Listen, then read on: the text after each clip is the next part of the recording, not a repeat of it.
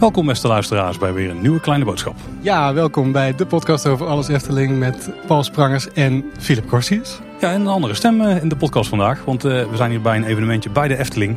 Uh, want vandaag gaan we allerlei dingen horen rondom het nieuwe boek van Ravelijn. Het bloed van de laatste draak. En Tim die Connie, dus Philip, er is maar één expert in ons netwerk die heel veel van Ravelijn weet. En dat ben jij natuurlijk, want jij hebt daar jouw scriptie over geschreven ooit. Dat is waar, ik voel mij vereerd. Dankjewel voor de uitnodiging. Superleuk om hierbij te zijn vandaag. Ja, dat was de eerste aan wie we dachten, want ja, nogmaals, je bent de meest geschikte kandidaat voor, voor dit evenement. En misschien even kort over jou voor de mensen die het niet meer weten. Want jij hebt al regelmatig een kleine boodschap uh, optreden mogen maken. Ja, een paar grote keren en een paar kleine keren zou je kunnen ja, zeggen. Ja, ja, superleuk. Uh, ik uh, ben docent uh, op dit moment aan de Universiteit Utrecht. En dat zijn altijd vakken, cursussen zou je kunnen zeggen, die iets met storytelling te maken hebben. En vaak ook verschillende vormen van media. En jouw scriptie, waar ging die over dan? Nou, die ging over transmedia storytelling. Dat is weer een specifieke vorm. En uh, Ravelijn is daar een goed voorbeeld van. Dus vandaar dat mijn scriptie ook, zou je kunnen zeggen, over Ravelijn ging. En uh, in een paar zinnen, wat is dan transmediale storytelling? Dat is dat uh, de verschillende mediavormen, hè, dus Ravelijn bestaat in een boek en in een serie en in een show, dat die niet allemaal precies hetzelfde verhaal vertellen. Wat eigenlijk toen in 2011 wel zo was. Hè. Al die versies van Ravelijn mm. vertelden wel hetzelfde.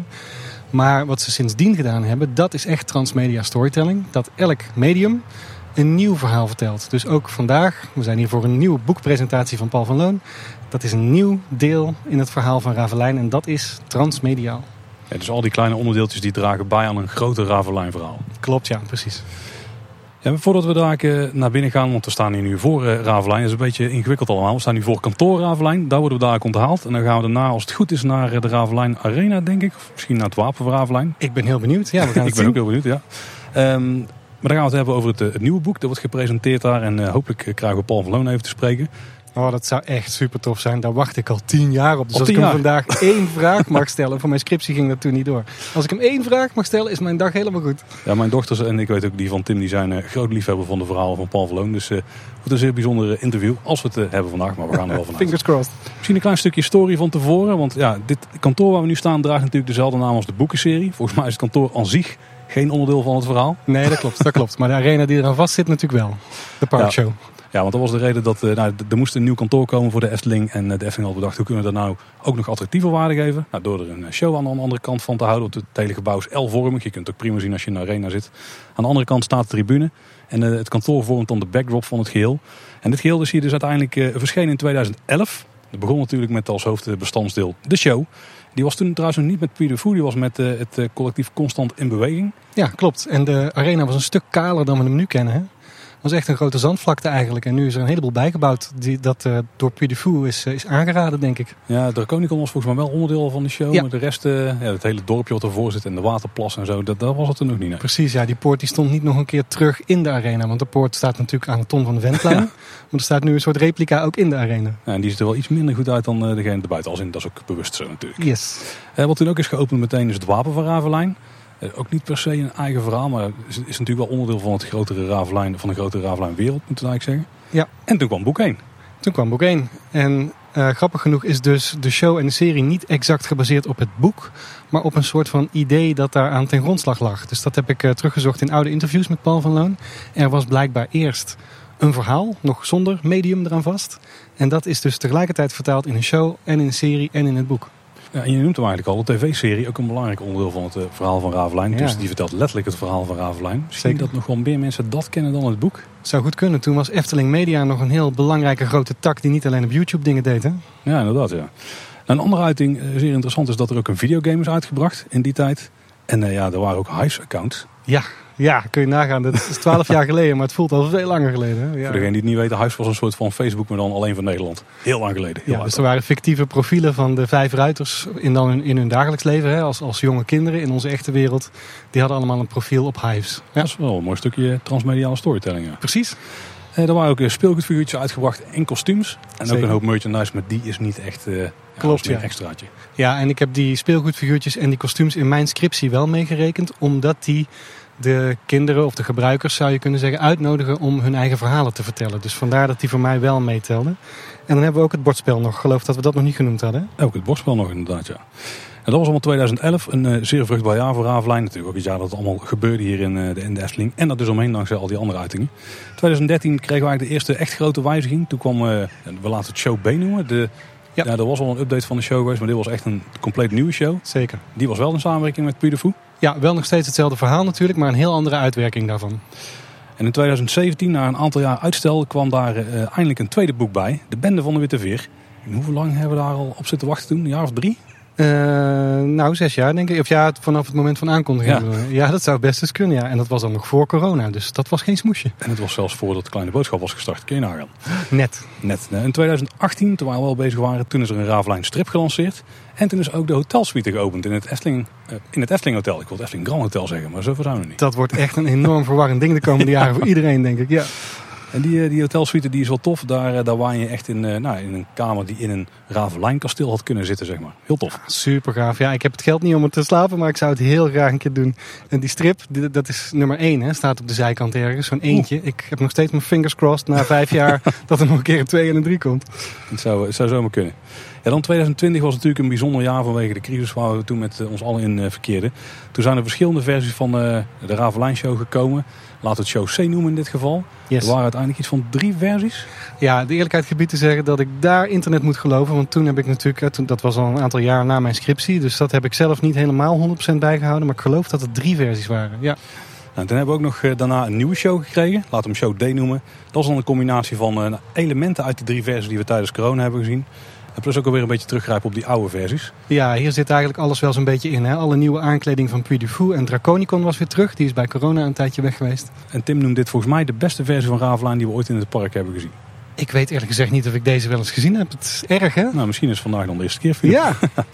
en uh, toen is ook het heldendiner toegevoegd aan, uh, aan de hele wereld van Ravelijn. Ook een hele toffe ervaring die je in het wapen van Ravelijn dan ervaart. Met karakters uit het verhalen van uh, Paul van Loon en die we hier in het park vinden. En extra leuk voor de kinderen, want die mogen echt een actieve rol spelen. Hè? Die worden door Thomas en Samira en De Waard, geloof ik, meegenomen op avontuur in, uh, in Ravelijn. Zeker. Ja, en dan is het uh, nu vandaag, 2023. We schrijven 27 september dat boek 3 uitkomt in de Ravelijn-serie. Het bloed van de laatste draak. Spannende titel. Een geheel nieuwe toevoeging van Paul van Loon. Super, super transmediaal. Ik ben hartstikke benieuwd. En jij hebt er al een deel van kunnen lezen, Filip. Maar ik denk dat we daar later in de aflevering nog eens even naar gaan kijken. Dat is helemaal goed. Wat de mensen allemaal kunnen verwachten. Want wij gaan naar binnen in Ravelijn eens kijken wat er allemaal gaat gebeuren vandaag. Om Joost te citeren. Kikken! Graag wil ik een hartelijk applaus voor Paul van Loon.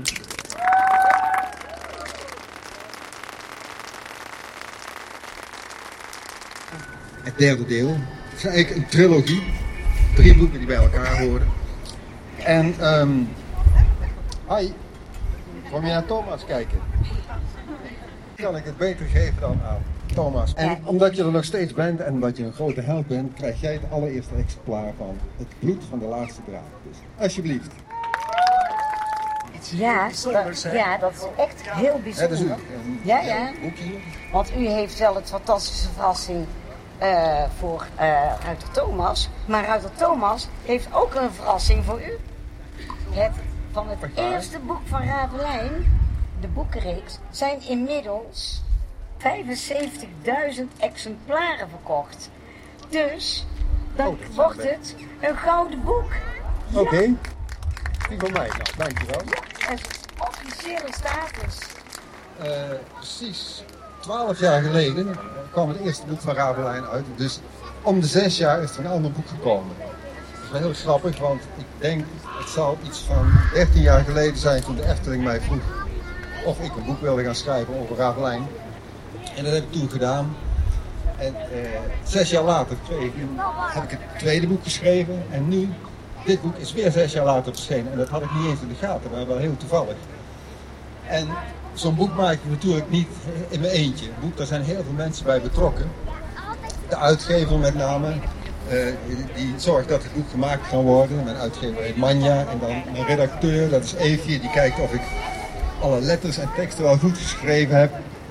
En uh, de tekenaar, de tekenaar van het boek is Chris Evenhuis, die prachtige tekeningen gemaakt heeft, die helaas er vandaag ook niet bij kan zijn. En ook dit boek heb ik, uh, uh, een schrijver heeft altijd een klankbord nodig. Iemand die zegt van, nou dat is goed wat je aan het doen bent, of ik zou het anders doen. En uh, de klankbord voor mij was Olaf Vugts, waarvan ik ook bij de andere twee boeken mee heb samengewerkt. Olaf was de directeur imaginair van de Efteling. Doet nou nu iets anders, maar hij voelt zich nog steeds erg betrokken bij Ravelijn. En we hebben samen heel veel gedacht, nagedacht over dit boek voor ik het ging schrijven. En uiteindelijk, al die samenwerking met al die mensen hebben ervoor gezorgd dat zo'n boek er is. Het is een hele klus om het... De drukker heeft er ook nog mee te maken natuurlijk. Dus het is, veel mensen zijn erbij betrokken. Dus ik wil iedereen bedanken die met dat boek te maken heeft. Dat Nou, was. Nou, we staan hier met Paul Verloon. Natuurlijk de schrijver van eh, alle Ravelijn-boeken, maar vandaag in het bijzonder Het Bloed van de Laatste Draak. Paul, welkom een kleine boodschap. Eh, Dank je. Hey Paul, eh, hoe werkt het nou bij het schrijven van zo'n Ravelijn-boek? Is het dan eh, zo dat de Esslinger belt van... Paul, eh, het is weer tijd voor een verhaal. Of bel jij hun op van ik heb een ideetje en eh, laten we gaan praten? Eh, bij de eerste keer vroeg de Efteling mij.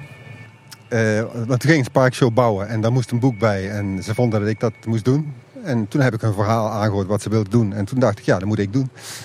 Zes jaar later vroegen ze me voor een tweede deel. Eigenlijk, ik, had, ik heb al die tijd veel contact gehad met de Efteling. Ik kwam elke maand wel bij, op het kantoor daarboven. En ik praatte daarover met Olaf, Olaf Vugts, die toen directeur was. En zo kwamen we op het idee van de bende van de Witte Veer. Of ik dat wilde doen, ja, wilde ik ook doen, vond ik leuk. En bij deze derde hadden we zelf een idee. Dus we hebben de Efteling gebeld. Vinden jullie het leuk als we nog een, eh, nog een Ravelijnboek maken? Mijn uitgever heeft gebeld, want Paul heeft een idee daarvoor. En dat eh, vonden ze ook wel een goed idee, denk ik. Dus eh, toen, toen ben ik aan de gang gegaan. Ik doe ongeveer een jaar over zo'n boek. Want het is heel veel werk. Het moet gewoon goed zijn. Het is niet dat je het even schrijft en is klaar. Dus het is, het is eh, van voor naar achter, van achter naar voor. En alles moet kloppen. En, en ik heb eerst van tevoren heel veel ehm, met Olaf daarover nagedacht. Die is daar toch nog bij betrokken geweest. Omdat hij dat heel interessant vindt. Dus het was een goed klankbord. Ik kan, kan ik hem vertellen. hey, ik heb dit en dat bedacht. Zus en zo. Lijkt jou er ook wat? En zo gingen we daarmee aan de gang. En toen ben ik op een dag... Dan, dat is altijd het moment. Dan zit ik voor een leeg scherm. En dan, dan begin ik te schrijven. En dan, dan begint het. Dan ben ik een jaar onder de pannen. En je noemt Olaf Hux. Ik ben dan heel benieuwd. Ik weet niet hoeveel je erover wil of mag zeggen. Maar hoe gaat dat in zo'n overleg? Wat zijn de bouwstenen waar de Efteling al mee komt? En wat, wat verzin je zelf eh, nog bij? Ik verzin alles zelf. Ik, en dan, eh, maar het leuke met Olaf was dat hij ook af en toe ideeën erin gooit. Dan heb ik een idee, zegt hij, of misschien dit nog erbij. En soms wel, soms niet. Dus ik, eh, ik gebruik hem, gebruik hem, dat is ook wat. Hij is een klankbord die goed snapt wat ik wil. En het is net als als je schrijft, heb je ook vaak een redacteur die over je teksten gaat en die adviezen geeft en, en meedenkt. En zo is, was dit ook. Ah, geweldig. En krijg je vanuit de Efteling dan elke keer carte blanche? Eh, eigenlijk wel, ja. Ja, ik heb niet gehoord van dat iets niet kon of niet, eh, niet mocht. Het, eh, Hartstikke fijn. En ik werk ja, toch al lang met hun. Ik heb ook twee sprookjes, boeken geschreven voor de Efteling. Nog zelfs één dolfje, die was ik afspeeld in de Efteling Dolfje Weerwolfje. Dus dat is altijd wel een goede samenwerking geweest. Zeker. En stiekem achter de schermen nog advies gegeven voor Dans Macabre? Daar zal ik nog niks over zeggen. Oh, hey, oké. maar even terug naar Ravelijn. Ja, en Dans Verkamer is natuurlijk een kat die de hoofdrol speelt, geen wolfje. Nee, dat is waar. Eh, de afgelopen jaren is eh Ravelijn in heel veel verschillende vormen verschenen. De collega Philip heeft daar onderzoek naar gedaan. Uh, boeken, de parkshow, tv-serie, een strip en zelfs een hotelsuite. Ja. Wordt u daar ook actief bij betrokken bij al die eh, uitingen? Eh, nee hoor, bij, zeker bij dat hotel niet. Bij eh, de, de, de tv-serie wel natuurlijk. Dat, omdat dat, die is bijna tegelijk gemaakt terwijl ik nog het boek aan het schrijven was.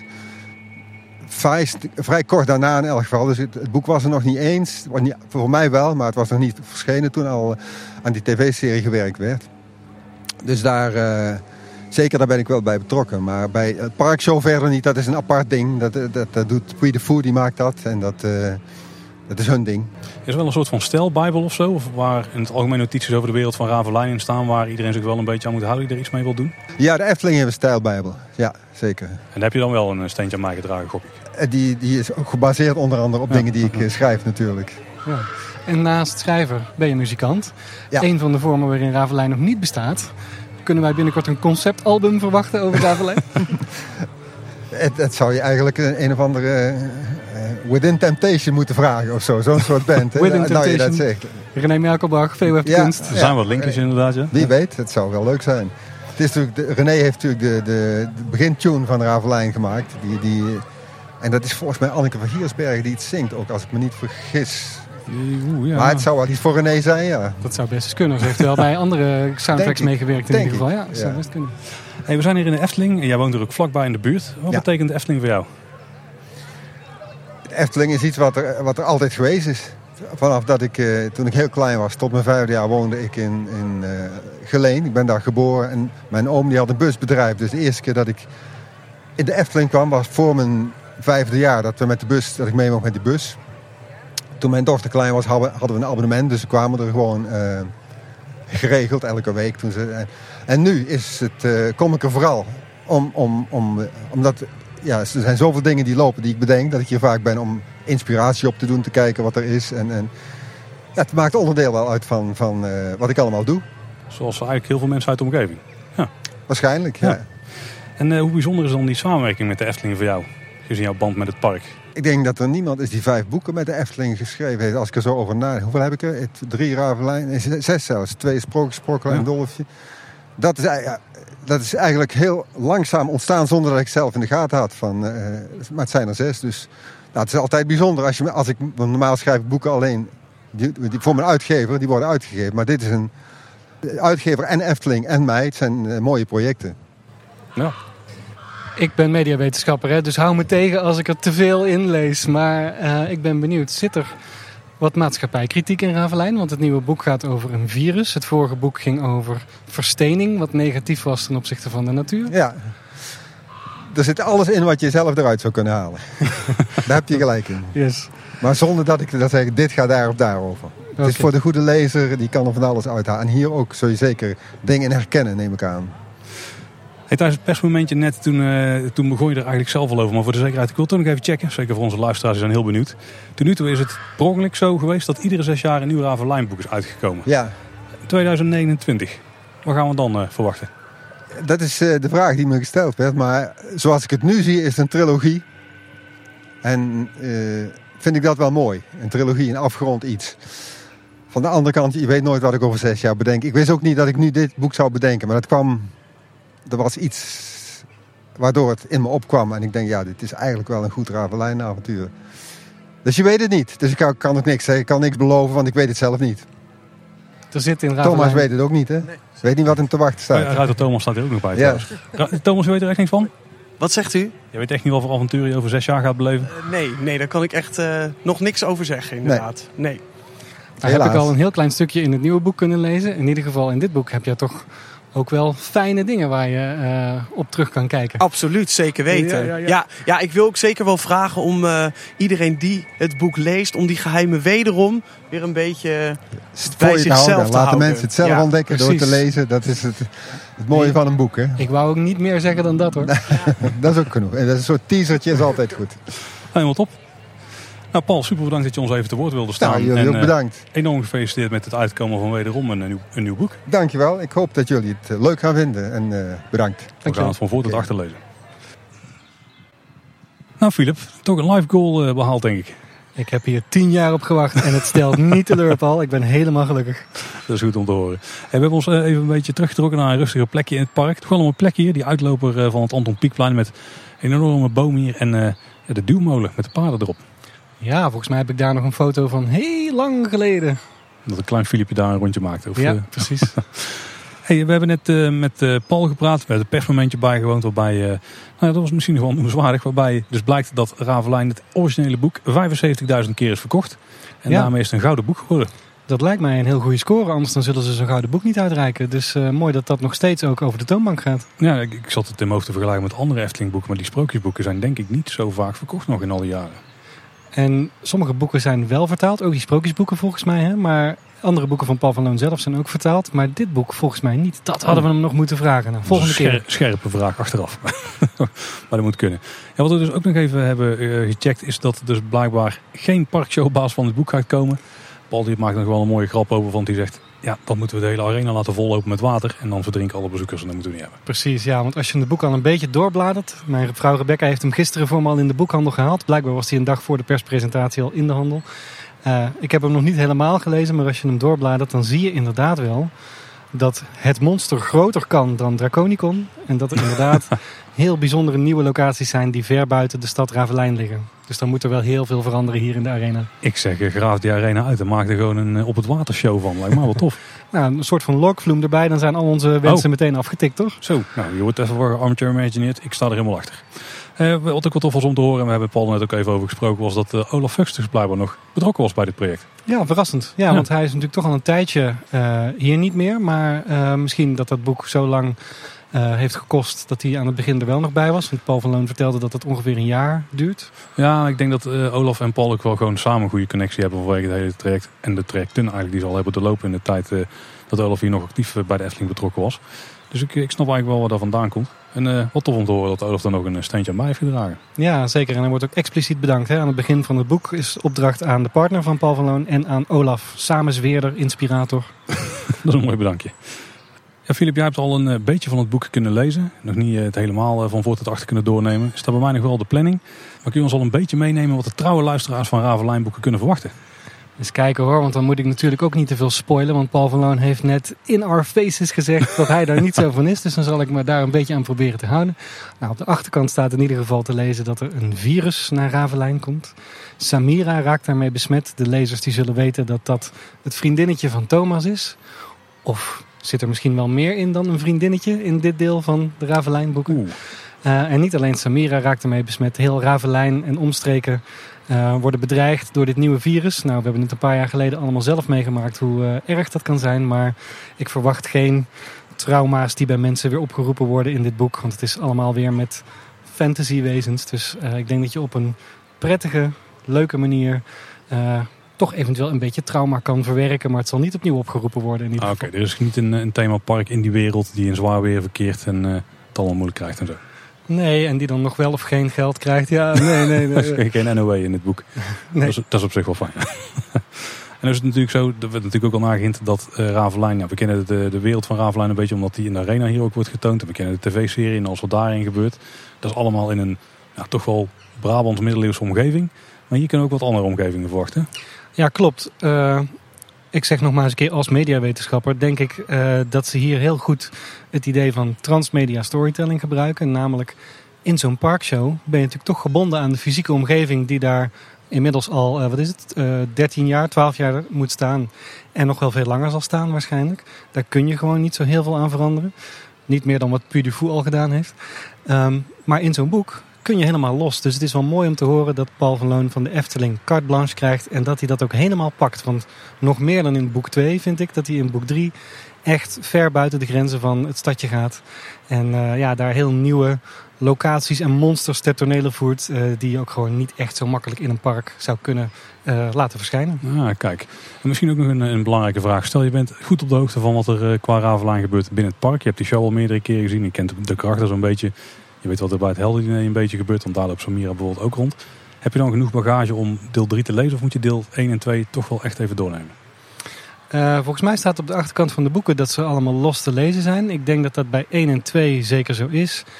Bij 3 misschien ietsje minder, al zit er op een gegeven moment wel letterlijk een flashback in. Dus een klein stukje ah. uit boek 2 komt terug in boek 3. Dat hoofdstuk heet uit mijn hoofd ook flashback.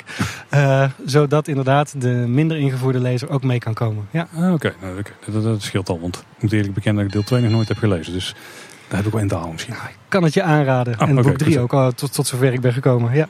Dat Philip, volgens mij zijn we er dan doorheen. Ja, luisteraars kunnen uiteraard alleen maar aanraden. Ga het boek lezen. Het is weer een, uh, het is weer een stukje Efteling worldbuilding. Ja, zeker worldbuilding. Ja, er is natuurlijk nu een hele story world van Ravelijn. Ja. Dus dat is met recht worldbuilding. Ja. Dus ik denk dat dat de meeste mensen voor jullie wel, wel aanstaat. Ja, voor deze aflevering, het zit er eigenlijk alweer op. Het was een, een keer een korte. Ook een bonusaflevering erom natuurlijk. Yes, nou dat mag ook wel eens. ja, zie uh, oh, dat klinkt meteen zo lullig. Hè? Zo bedoel ik het helemaal niet. um, Philip, ik wil jou vooral uh, hartstikke bedanken. Want uh, jouw kennis heeft wel enorm bijgedragen aan, aan de goede vragen stellen, denk ik, aan Paul vandaag.